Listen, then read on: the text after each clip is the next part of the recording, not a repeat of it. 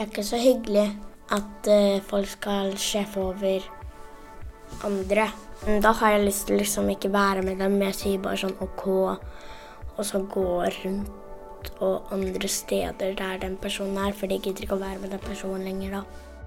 Det er ikke noe gøy når en venn bestemmer hva du skal gjøre. I hvert fall hvis det er noe du ikke liker eller synes er skummelt. I denne episoden av Juniorrådet skal vi snakke om å ha sjefete venner. Og så skal vi få tips til hva man kan gjøre for å slippe å bli bestemt over.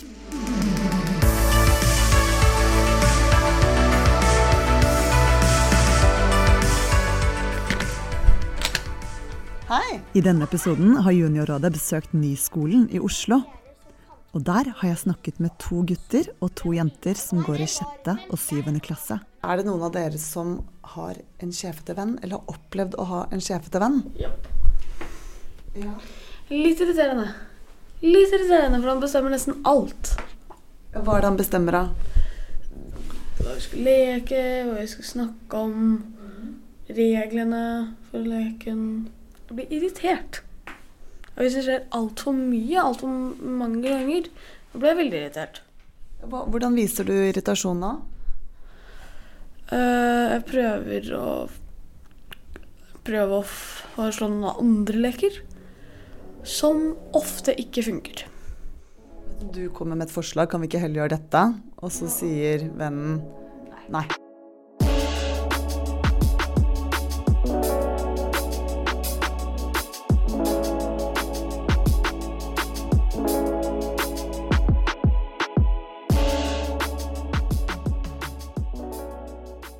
Før så spilte jeg fotball, og da var det en bestemt som lagde lag, men han lagde bra lag. Men så er det også sånn at når jeg ville lage lag, så spurte jeg kan jeg lage lag. Og så var det sånn Nei, du får ikke lov til å lage lag. Jeg skal lage lag. Og så kan det hende at den personen vil vinne, så den lager ikke så veldig rettferdig lag, synes jeg. Hvordan reagerer du da? Da, jeg spiller fotball fremdeles, da. Eller da spiller jeg med de lagene. Men så skjønner jeg det er jo ikke rettferdig. Så da sier jeg nei, jeg har ikke så lyst til å være med. Eh, det er ikke så rettferdig lag og sånt. Når det er noen som skal begynne å telle, så bestemmer du liksom du begynner å telle, f.eks. Så vil kanskje ikke den personen begynne? Nei. Men hvorfor er noen så sjefete? Vi spør helsebroren. Noen har altså egenskapene medfødt til at de blir, får en sånn personlighet som gjør at de er vant til å, å ta avgjørelser.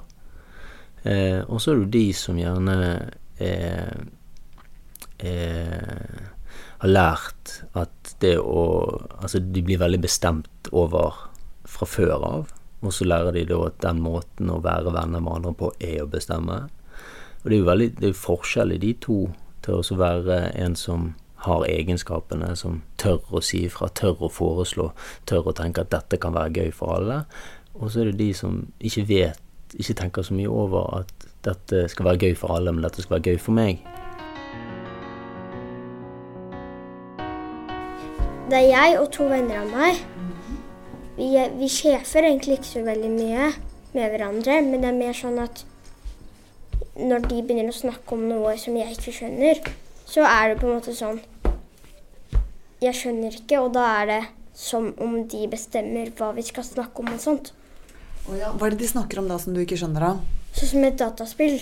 De snakker veldig om det. Jeg får ikke lov til å spille så mye, men det er for de. Og da blir det veldig forskjell. Da kan man føle seg litt utafor, egentlig. Ja. Jeg liker å bestemme litt, men ikke altfor mye. Sånn som en venn av meg. Når jeg sier 'kan vi leke det', så spør jeg Så spør jeg han 'kan vi det', eller ikke. Så det er på en måte demokrati også. Men jeg kan Jeg bestemmer jo ikke akkurat sånn Nå kan du begynne å telle, men jeg sier du, du kan telle når du vil.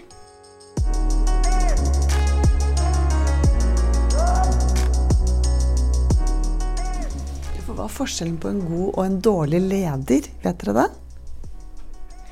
En dårlig leder bestemmer mer enn er ikke sånn rettferdig og sånt. Tenker ikke på at det beste for de andre. Ja, det er akkurat det. Lytter ikke til andre. Hele tida. Hele tida. Hva sa du? En som bestemmer hele tida, det er en dårlig leder. Fordi det er veldig irriterende å være med på. Fordi du får aldri bestemt noe sjøl. Hvis man f.eks. en eh, har lyst til å se på en film, og en andre har lyst til å game, og så er det en som bare skjærer gjennom og bestemmer at man skal game, Ja. hvordan kan man si ifra til den personen som bestemmer? man må, kanskje man kan foreslå at de kan gjøre begge deler. Mm. Og, og det er jo dessverre sånn at den som alltid skjærer gjennom og sier at nå skal vi gjøre det, de som gjør det, kan jo fort oppleve at veldig få har lyst til å leke med dem. For det kan jo bli mye mer ubehagelige situasjoner da, hvis man blir pushet til å gjøre ting man syns er ekkelt eller kjipt, da. Det skal man ikke tillate. Nei, så hvordan sier man ifra da? Da sier man klart ifra nei, dette vil jeg ikke. Du bestemmer ikke over meg. Det er jo, altså Venner er kjempeviktige. Vi ser opp til venner, vi, og vi er glad i vennene våre. Men en god venn er ikke en som alltid bestemmer over deg.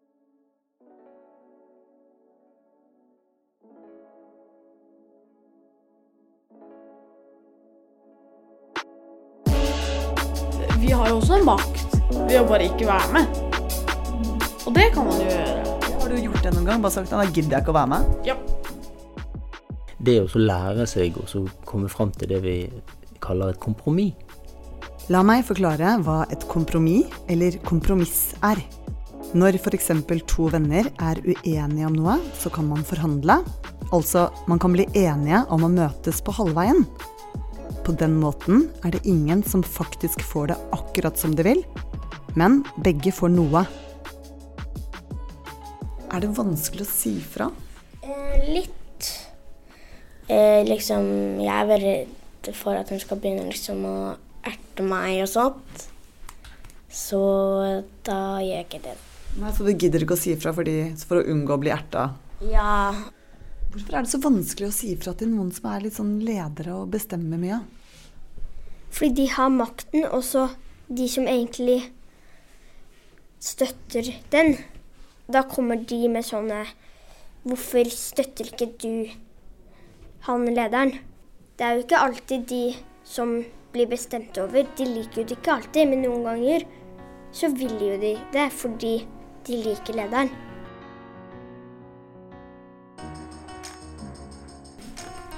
Har dere opplevd at på en måte sjefsrollen byttes på? Plutselig er det en som bestemmer, og så plutselig er det en annen som tar den i en, i en vennegjeng?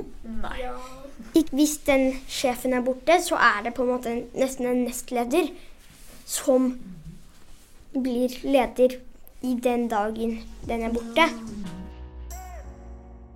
Det er veldig naturlig at vi mennesker, når vi samler oss i en flokk, så blir det liksom et, et sånt maktsystem i det. Du har en som er leder, en som er nestleder. Men det er viktig at i et vennskap så er man, er man den som sitter på toppen og er på en måte leder i gjengen.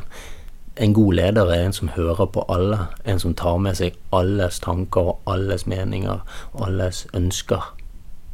Så det er ikke feil å være den som på en måte er sjefen i gjengen. Det, du kan være en veldig god venn selv om du er sjef, men da krever det at du kan høre på alle.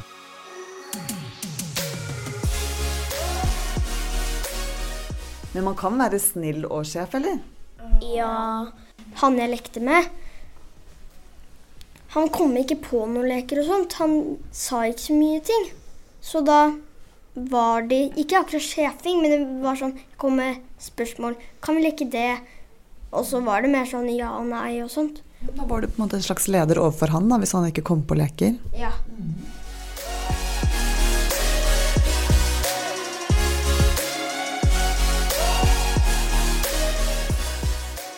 en lek som gjør at man finner på leker, det er at vi setter oss i en sirkel, og så mm, tenker man på noen lekeideer.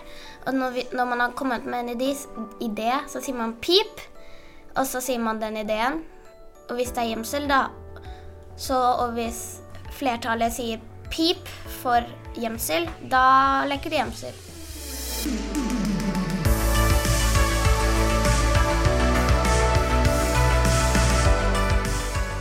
Juniorrådet er laget av Aftenposten Junior, en avis for barn.